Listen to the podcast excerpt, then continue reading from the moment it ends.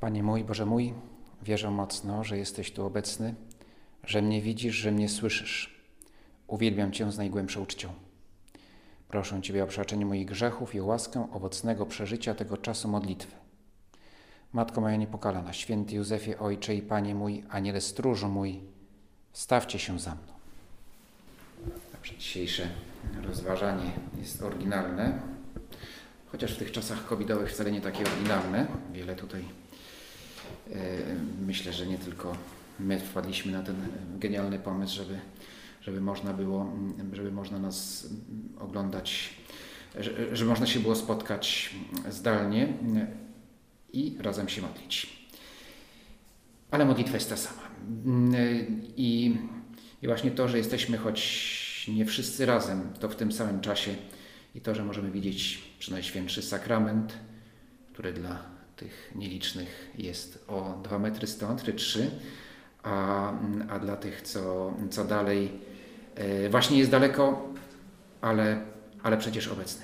Więc e, proszę kierować czasami te spojrzenia, ten, ten czerwony, czerwony punkt w lewym dolnym rogu ekranu, gdzie, gdzie mamy Pana Jezusa w Przenajświętszym Sakramencie. Pana Jezusa, który tu jest obecny w sposób szczególny, wyjątkowy, fizyczny, ale który jest obecny przy nas zawsze i wszędzie. Początek listopada to czas sprzyjający takiemu głębokiemu spojrzeniu na sens naszego życia. Przyroda przypomina nam o przemijaniu, o tym, że nasze życie biologiczne się skończy. W tym roku przy, przyroda niestety przypomina nam o tym nie tylko opadującymi liśćmi, no ale przypomina nam również epidemią, która dla wielu osób oznacza odejście z tego świata wcześniej niż, e, niż by to miało miejsce w innych warunkach. E, I jednym słowem przypomina nam o tym, że tak jak każda tego rodzaju katastrofa naturalna, czy też wywołana przez człowieka, jak, jak jest w przypadku wojen, no, że nasze życie jest kruche, a równocześnie jest to okazja, żeby popatrzeć dalej. Niestety dla niektórych e, to oznacza ucieczkę od rzeczywistości. Tak było zawsze w obliczu jakichś katastrof, wojen czy epidemii.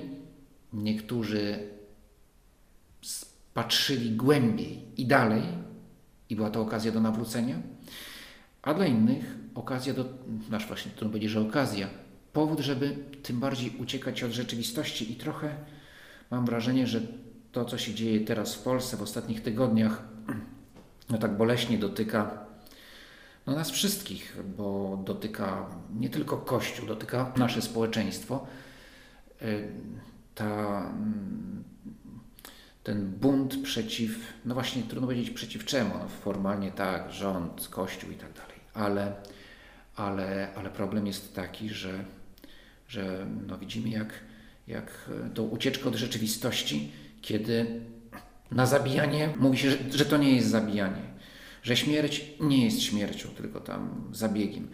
Wreszcie w przypadku tak wielu osób, których motywacje mm, z tych, co protestują, no, nie są mm, takie niskie, wręcz kieruje nimi jakieś współczucie, współczucie wobec, wobec cierpienia matki, której dziecko umrze zaraz po, po, po urodzeniu, ale właśnie też jakby nie chcąc przyjąć rzeczywistości, łudzą się, że cierpienie można usunąć cierpieniem.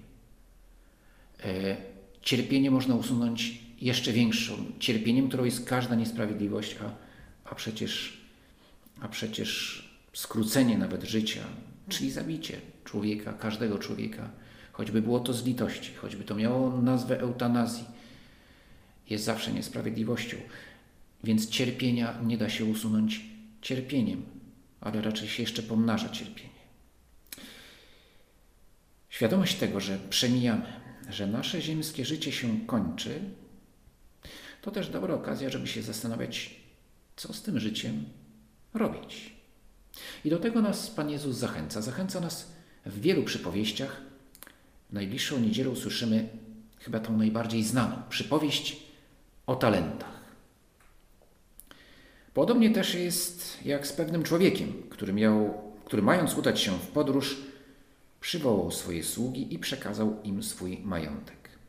Jednemu dał pięć talentów, drugiemu dwa, trzeciemu jeden, każdemu według jego zdolności i odjechał. Zaraz ten, który otrzymał pięć talentów, poszedł, puścił je w obrót i zyskał drugie pięć. Tak samo i ten, który dwa otrzymał, on również zyskał drugie dwa. Ten zaś, który otrzymał jeden, poszedł i rozkopawszy ziemię, ukrył pieniądze swego pana. Przywykliśmy mówić o talentach jako o, o wrodzonych zdolnościach. Ale uwaga, w przypowieści to słowo talent wcale nie oznacza tego, co w naszym potocznym języku. Bo przecież Pan mówi, Pan Jezus mówi, każdemu według jego zdolności dał talenty. A więc zdolności są wcześniej. Talenty to jest coś, co jest okazją do tego, aby te zdolności wykorzystać. Albo inaczej, że człowiek ma jakieś zdolności, aby móc wykorzystać owe talenty. Więc one oznaczają coś innego. Co dokładnie, to myślę, że na razie zawieźmy tę odpowiedź. Czym są talenty w, w przypowieści? Posłuchajmy dalej, co mówi, co mówi Pan Jezus. Jedno tylko od razu zwracam uwagę. Jeden dostał jeden talent, inny pięć, czyli pięć razy więcej. Ale uwaga, dla słuchaczy Pana Jezusa talent to, to byli ludzie biedni generalnie. Złoty talent to było mnóstwo pieniędzy. Znaczy była kwota niewyobrażalna, właściwie pewnie dla większości z nich. Nie wiem, czy którykolwiek ze słuchaczy Pana Jezusa w ogóle przez całe swoje życie zarobił choć jeden talent. Jeżeli to był talent złoty, to na pewno nie. Znaczy po prostu to, to były kwoty e, przekraczające ich może nie tyle wyobraźnię, co doświadczenie. E, otóż tym samym jeden talent czy pięć talentów to aż taka różnica nie była, bo tak czy owak była to wielka kwota. Po dłuższym czasie powrócił pan owych sług i zaczął rozliczać się z nimi. Wówczas przyszedł ten, który otrzymał pięć talentów. Przyniósł drugie pięć i rzekł: Panie, przekazałeś mi pięć talentów, oto drugie pięć talentów zyskałem. I rzekł mu pan: Dobrze, sługo, dobry i wierny, byłeś wierny w rzeczach niewielu, nad wieloma ci postawię. Wejdź do radości twego pana. Przyszedł również i ten, który otrzymał dwa talenty, mówiąc: Panie, przekazałeś mi dwa talenty, oto drugie dwa talenty zyskałem. Rzekł mu pan: Dobrze, sługo, dobry i wierny. Byłeś wierny w rzeczach niewielu, nad wieloma ci postawię. Wejdź do radości twego pana. Przyszedł i ten, który otrzymał jeden talent i rzekł: Panie, wiedziałem, że jesteś człowiek twardy. Chcesz rządź tam, gdzieś nie posiał i zbierać tam, gdzieś nie rozsypał. Bojąc się więc, poszedłem i ukryłem Twój talent w ziemi. Oto masz swoją własność. Odrzekł, odrzekł mu Pan jego, sługo zły i gnuśny. Wiedziałeś, że chcę rządzić tam, gdzie nie posiałem i zbierać tam, gdzie mnie rozsypał. Powinieneś więc był oddać moje pieniądze bankierom, a ja po powrocie byłbym z zyskiem odebrał swoją własność. Dlatego odbierzcie mu ten talent, a dajcie temu, który ma dziesięć talentów. Każdemu bowiem, kto ma, będzie dodane, tak, że nadmiar mieć będzie, Temu zaś, kto nie ma, zabiorą nawet to, co ma. A sługę nieużytecznego wyrzućcie na zewnątrz w ciemności, tam będzie płacz i zgrzytanie zębów. Co było nagrodą dla owych sług? Ktoś powie, y, talenty. No właśnie nie. Z przypowieści raczej wynika, że, to, że talenty nie były nagrodą. Znaczy, że te pieniądze to były pieniądze Pana. Oni nimi administrowali. E, a Pan owych wiernych służących nagradza tym, że zaprasza, pójdź do radości Twego Pana. Prawdopodobnie oznaczało to zaproszenie na ucztę. Tak czy owak oznaczało, że Pan mówi, jesteście moimi przyjaciółmi. Zważywszy, tutaj w tej przypowieści bardzo jest jasne, że sytuacja między tymi, między Panem a sługami, no to jest sytuacja no nie tylko zwierzchnika, coś więcej, no tak jak w tamtych czasach, sługa między sługą a niewolnikiem dużej różnicy prawnej nie było. Ci na pewno byli zaufanymi sługami, mieli dobrą pozycję, e, to nie byli niewolnicy gdzieś z kopalni, ale, ale jednak dystans był ogromny między nimi a Panem. I oto on mówi: Jesteście moimi przyjaciółmi, zapraszam do siebie. To była nagroda, największa jaka może być. I tym samym każdy otrzymał tę samą nagrodę. Ten, który zarobił pięć, bo miał pięć do, na wstępie, i ten, który zarobił dwa, bo miał dwa na wstępie. Obydwaj otrzymują tę samą nagrodę. Stają się przyjaciółmi Pana. Ostatnie zdanie. Każdemu bowiem, kto ma, będzie dodane tak, że nadmiar mieć będzie. Temu zaś, kto nie ma, zabiorę nawet to, co ma.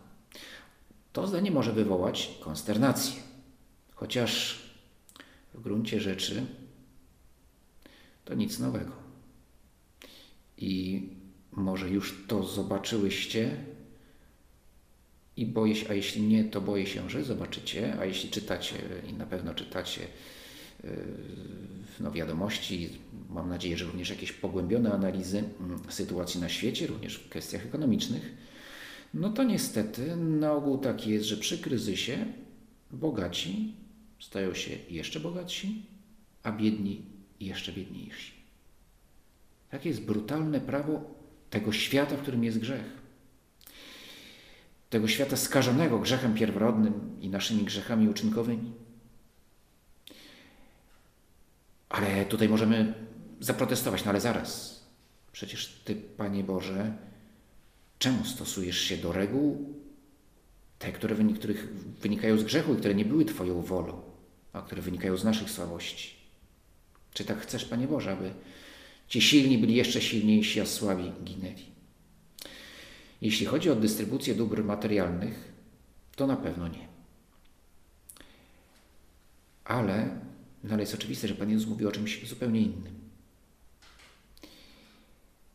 I możemy tutaj już zdradzić, czym są talenty. To jest łaska. Talenty to łaska. Czyli miłość Boga działająca w nas bezpośrednio. Tak można, wiem, że to nie jest definicja teologiczna taka bardzo precyzyjna, ale mniej więcej możemy tak powiedzieć, że to jest miłość Boga działająca w nas bezpośrednio. A więc nie tylko pośrednio, no wszystko Bóg stworzył z miłości, ale w kamieniach, czy w zwierzętach, czy w, w ogóle w przyrodzie miłość Boga nie działa bezpośrednio, tylko pośrednio przez samo stworzenie, a w nas bezpośrednio. W nas, którzy jesteśmy w stanie łaski uświęcającej. W innych ludziach, już jest, którzy nie mają tej łaski, chrztu, no, też Bóg jakoś działa na pewno inaczej i dużo bardziej osobiście niż, niż w, w, w przyrodzie. No ale to zostawmy ten temat. My możemy śmiało powiedzieć, Bóg działa w nas, Jego miłość działa w nas, kiedy jesteśmy w stanie łaski. Talenty więc są łaską. A łaska oznacza miłość Boga w nas. E, I tą łaskę poprzedza inny dar, który jest podstawą działania Boga w nas, to znaczy jest, to jest to, że Bóg nas stworzył, uczynił e, istotami żyjącymi. Może to jest podstawa łaski, to, że w ogóle żyjemy. A tym samym czas, który otrzymaliśmy. Dlatego też często, kiedy interpretuje się przypowieść o talentach, to jest mowa o tym, że talenty to jest czas dany nam przez Boga. W pewnym sensie tak, rzeczywiście, to jest to, co od Boga otrzymaliśmy, a więc nasze życie. E, a więc czas, w którym działamy. Ale myślę, że, że tutaj mm, e, jest też drugie, głębsze znaczenie tego mm, słowa talent, mianowicie to jest łaska Boża, łaska w nas. Talent tego gnuśnego sługi otrzymuje sługa ten rekordzista, ten co, co, co zarobił drugie pięć. Czy to jest nagroda? W pewnym sensie tak, bo jest to znak zaufania. Mówi Pan, no, dobrze się sprawiłeś, masz tu jeszcze jeden talent, ale uwaga, to nie jest talent na, na własność, przecież to wszystkie te talenty są w, w dalszym ciągu własnością Pana. Raczej jest tak, e, i tak by wynikało z tej przypowieści, z logiki narracji, że, że te zarobione talenty słudzy zatrzymują, również ten, który zarobił dwa, żeby dalej nimi obracać. Natomiast rekordzista dostaje jeszcze bonus ekstra. Więc nie tylko te, które zarobił, dalej nimi zarabia, ale jeszcze dostaje ten jeden, który został, inaczej by się zmarnował, no bo tamten nic z nim nie zrobił. I tak właśnie działa łaska. Tak to wygląda w naszym życiu i może to doświadczenie już masz, znaczy na pewno je masz, tylko mm, być może nie w pełni uświadomione. Popatrz, kiedy, kiedy się modlisz, czy kiedy przystępujesz do głębokiej spowiedzi, no, ze strony Pana Jezusa spowiedź zawsze jest głęboka, ale z naszej strony może być głęboka, może być płytka, źle przygotowana. Jeżeli więc głęboko przeżywasz spowiedź, głęboko przeżywasz komunię świętą, otwierasz się na działanie łaski i widzisz, jak to działa, bo, bo po jednej dobrej modlitwie łatwiej jest ponownie wejść w głęboką rozmowę z Bogiem. Po jednej dobrej spowiedzi łatwiej jest w następnej spowiedzi jeszcze lepiej wykorzystać to, co Bóg nam daje w tym sakramencie. Każda pobożnie, głęboko przyjęta i przeżyta komunia święta usposabia nas do tego, żeby następną komunię przyjąć jeszcze lepiej. Każde natchnienie Ducha Świętego, jeśli na nie odpowiemy, Duch Święty daje nam następne. Aż niektórzy mogą się przestraszyć. O nie, już dosyć tych natchnień, bo im, im więcej odpowiadam, tym więcej ich mam. E, i, ale to tak jest, że im więcej bierzemy, tym więcej dostajemy. No i odwrotnie, gdy zamykam się na Twoje dary, albo je przyjmuję bez zaangażowania i tym samym marnując, gdy marnuję da, dane mi szanse, na przykład tą szansę, którą jest spowiedź i przystępuję do spowiedzi, ale w sposób rutynowy. Spowiedź jest ważna, bo no, spełniłem warunki, ale, ale moja, mój żal jest słaby i z mojej winy. To znaczy, że ja nie, nie wkładam wysiłku w to, żeby naprawdę jakoś powiedzieć Bogu, że naprawdę żałuję, choć tego może nie odczuwam. Jeśli brakuje realnego postanowienia poprawy, albo jest ono bardzo, bardzo ogólne, i nie przekłada się na konkretne postanowienia, a spowiedź jest ważna, ale mało owocna. Znaczy grzechy są odpuszczone, ale Bóg chciał mi dać dużo więcej, a ja tego nie przyjąłem. I wtedy zaczyna moje życie duchowe gasnąć. I odczuwam, a to jest wszystko rutyna. No tak, rzeczywiście. Może się okazać, że modlitwa staje się rutynowa, ale nie z tego, że modlitwa jako taka jest czymś rutynowym, ale dlatego, że ja, że we mnie zaczyna brakować otwarcia na Ciebie, Panie Boże. Ostatecznie zaczyna mi brakować miłości. Miłości, która w relacji z Tobą, Panie Boże, oznacza przyjmować Twoje dary. Na pierwszym miejscu przyjmować z wdzięcznością Twoje dary. No i zaczynam przypominać właśnie tego trzeciego sługę. Tak mi się to skojarzyło takim życiem rodzinnym mama, która wysyła swoją latorośl na zakupy. Powiedzmy, że latorośl ma 10 lat i, i mama daje tam 50 zł, ma zrobić zakupy. Teraz chyba nie wolno, tam do, do godziny 17 nie można, nie, nie mogą dzieci wychodzić, no ale załóżmy, że sytuacja jest w miarę normalna, no i dziecko idzie zrobić zakupy do żabki. I wraca z tej żabki no i mamie oddaje pieczołowicie, daj mi Boże, bardzo, dałaś mi 50 zł, oto 50 zł Ci oddaję. A zakupy? No nie zrobiłam zakupów. No to, no to w takim razie bez sensu była cała ta wycieczka. No to dziecko może powiedzieć, no ale co najmniej nie kupiłem sobie lodów. No, nie zmarnowałem, nie zdefraudowałem, ani papierosów. No, no, fajnie, tylko że miałeś zrobić zakupy. Jak ich nie zrobiłeś, to następnym razem na zakupy pójdzie kto inny. Yy, bo na ciebie nie można liczyć. Tamten sługa zakopał swój talent. Nie zrobił użytku z łaski. Zmarnowane życie. Może nas ogarnąć tutaj taki niepokój, ale zaraz. Czy, czy ja nie jestem tym trzecim sługą, który, który właśnie zakopał talent, albo już dawno temu zakopał? I jeśli masz takie uczucie, to po pierwsze na ogół nie jest tak. Znaczy, jeżeli jesteśmy szczerzy ze sobą mm, i z Panem Bogiem, to na początku widzimy sprawy mm, gorzej niż są, a potem, a potem takie, jakie są. A jeżeli nie jesteśmy szczerzy, to na ogół wtedy widzimy, że wszystko jest dużo lepiej niż jest. I w ten sposób nie możemy się nawrócić. Ale bardziej prawdopodobna jest sytuacja, że powiem, no, dostałem pięć talentów, cztery zakopałem, jeden jednym obracam. No ale to te cztery są zakopane, nie, nie, nie ruszam nimi. I już uświadamiam to sobie. I co zrobić?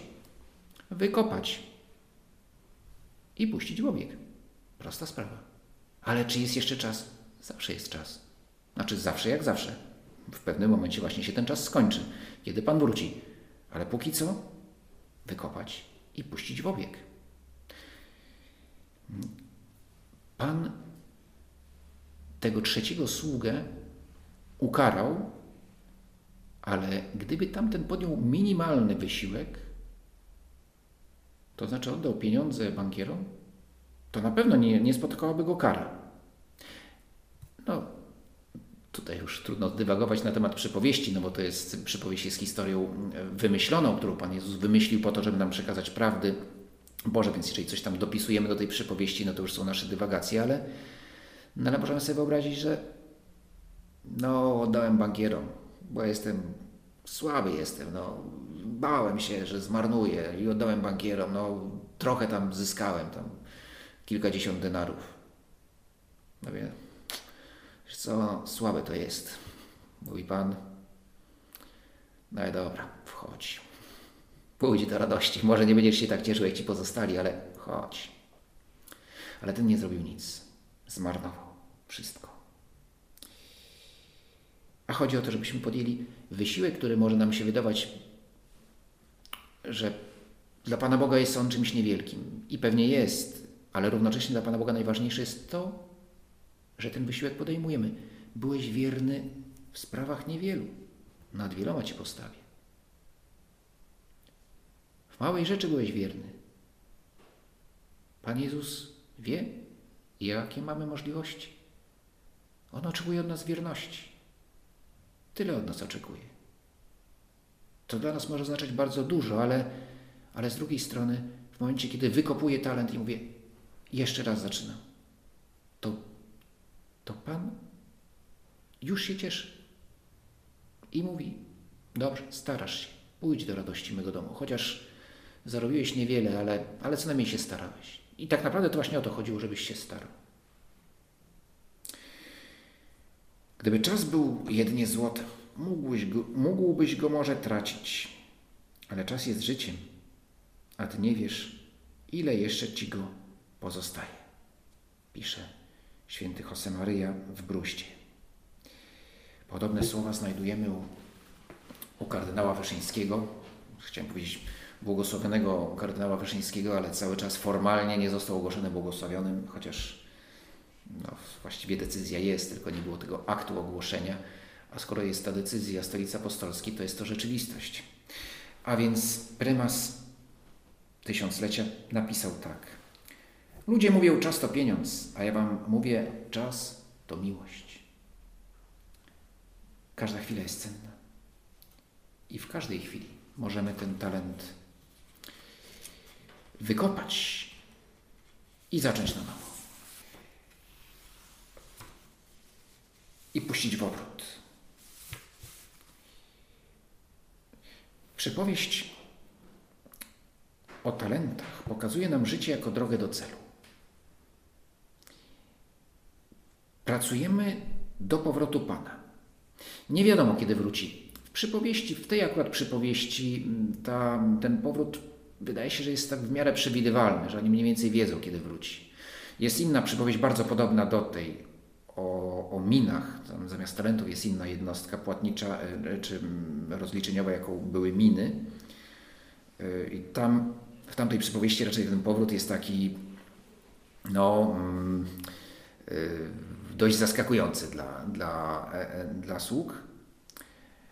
A ci raczej wygląda na to, że wiedzą, kiedy Pan wróci, ale co jest istotne, że od razu biorą się do roboty.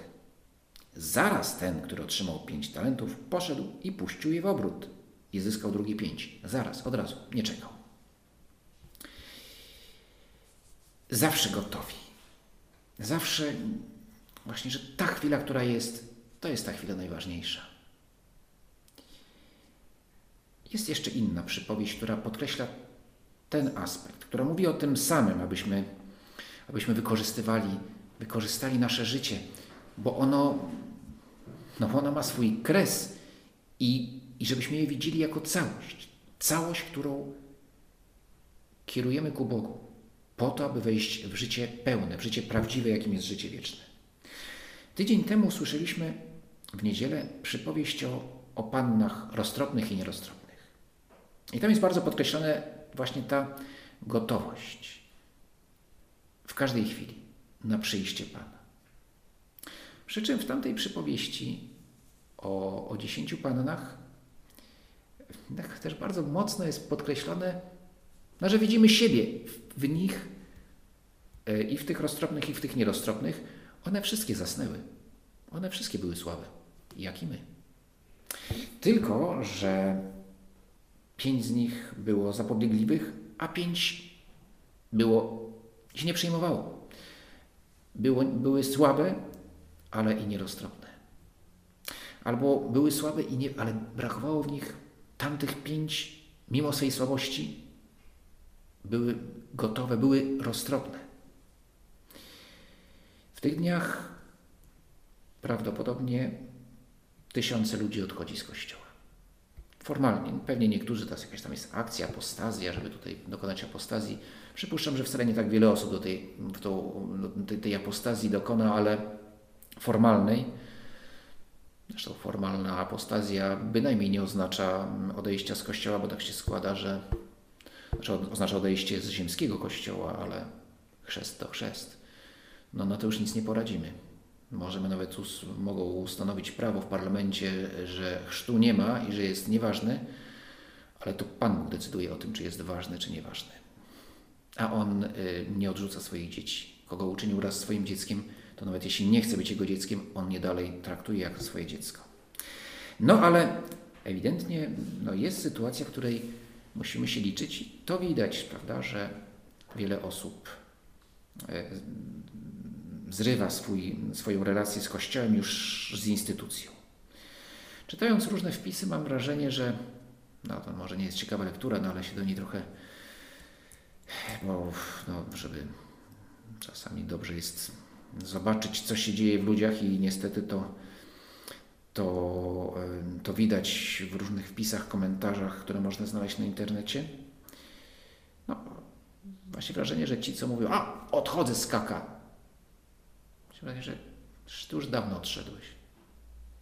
To teraz jest tylko przypieczętowanie tego, co, co się stało wiele lat temu.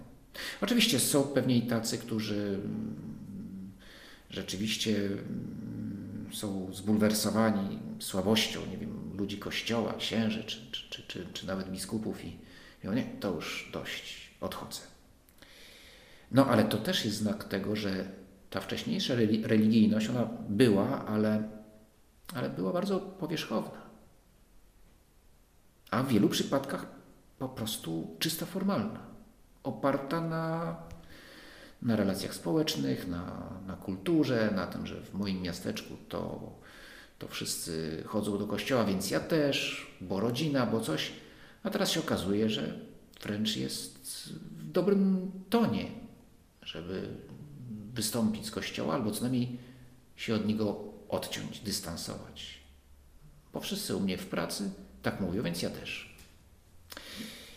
Yy, więc wcześniej był konformizm i teraz też konformizm. Ale z czego wynikało? Z tego, że lampa zgasła, że zasnęli, ale też nie mieli oliwy. Bo to, że lampa naszej wiary przygasa, to to jest rzeczywistość, którą doświadcza każdy z nas. I może być również w obliczu, może akurat nie tej kwestii, kwestii obrony życia, ale no, słabości ludzi Kościoła, dla niektórych to jest naprawdę kryzys wiary. Czy wyzwanie, może tak wyzwanie. Jak to Kościół jest święty, ale w nim widzę wiele nieświętości. y, to jest święty czy nie jest. Ale jeżeli wiara jest głęboka, jeżeli powiązana z wiarą znajomość doktryny, nauczania, czyli praw naszej wiary, to wówczas widzę, no przecież zawsze, przecież i wśród apostołów, wszyscy apostołowie byli słabi. Mniej lub bardziej to było widoczne. A jeden z nich zdradził i to zdradził w sposób paskudny. A przecież na nich zbudował, Ty, Panie Jezus, zbudowałeś Kościół. Przecież nihilnowi, nic nowego. Jeśli wierzę, jeśli wierzyłem wcześniej, to w tym momencie, tak, boli mnie i mogę odczuwać niepokój. I może moja wiara być wystawiona na próbę, ale ostatecznie jest oliwa. Lampa przygasła i na nowo się rozpala, a nawet jeśli zgasła, mam czym ją na nowo rozpalić. Ale czym jest ta oliwa? No, kiedy się ją zbiera? Zbiera się ją w czasie spokojnym. Kiedy przychodzi kryzys, trudno jest ją zebrać. Ale kiedy na co dzień żyję głęboką modlitwą, korzystam z sakramentu i robię to nieformalnie tylko, żeby ze względu na innych, ale ze względu na Ciebie, Panie Boże. Kiedy moja relacja jest relacją z Tobą, to wówczas widzę, że ta instytucja, choć ma swoje w wielu miejscach trzeszczy, pęka, to jest Twoja, więc się nie rozleci i w niej znajduje Ciebie, tutaj na ziemi. Bo ostatecznie czego chcę? To spotkać Ciebie i spotykam. W Komunii Świętej, której poza Kościołem nie, nie znajdę. W spowiedzi, której poza Kościołem nie znajdę. W nauce wiary i moralności, którą, której w, tylko w niewielkim stopniu mogę znaleźć poza Kościołem. Mogę znaleźć coś, jeśli chodzi o moralność, tak, ale jeśli chodzi o wiarę, to nie. Ale nawet jeśli chodzi o moralność, też w tych dniach widzimy, że no jednak wiara jest mocnym powodem do tego, aby stanąć zdecydowanie w obronie e, zasad moralnych, które są obiektywne, ważne dla wszystkich. Na pewno są i znam takich ludzi, którzy wcale nie są wierzący i zdecydowanie stają w obronie, w obronie życia, ale, ale no, wiara na pewno tutaj bardzo pomaga. Ale właśnie, żeby trzeba to, to, tą oliwę zebrać, zbierać, kiedy jest spokojnie. No i ktoś powie, no dobrze, ale tutaj mm, to miał być radosny orszak. No tutaj na ulicach to ostatnio radosnych orszaków nie widzieliśmy. Tak, Panie, bo Panie Jezu, bo ja wiem, że, że mogę Cię spotkać nie w radosnym orszaku, ale jak idziesz, przeciskasz się przez tłum, który krzyczy ukrzyżuj go. Bo tak właśnie, przecież ta przypowieść o, o, o dziesięciu pannach Pan Jezus opowiada, no już na krótko przed, przed tym dniem, w którym idzie po zwycięstwo, sponiewierany, obrzucany obelgami, uznany za najgorszego z najgorszych. No idzie, to my wiemy, że idzie po zwycięstwo, ale wtedy, kiedy szedł, trzeba było mieć wielką wiarę i tylko Najświętsza Maria Panna ją miała, że on idzie w zwycięskim pochodzie. Oczywiście Maryja cierpi straszliwie, bo wie, że ten zwycięski pochód jest kosztem tego wszystkiego, co, no, co się stało. Że znaczy, że to zwycięstwo będzie na końcu, ale w trakcie jest to, jest to droga krzyżowa po prostu. Więc może kiedy się obudzę, czy kiedy się budzę ze snu, to widzę Ciebie, Panie Jezu, idącego drogą krzyżową. I mam siłę, żeby wstać i pójść za Tobą. Dzięki Ci składam, Boże mój, za te dobre postanowienia, uczucia i natchnienia, którymi mnie obdarzyłeś podczas tych rozważań. Proszę Cię o pomoc w ich urzeczywistnieniu. Matko moja niepokalana, święty Józefie Ojcze i Panie mój, aniele stróż mój, wstawcie się za mną.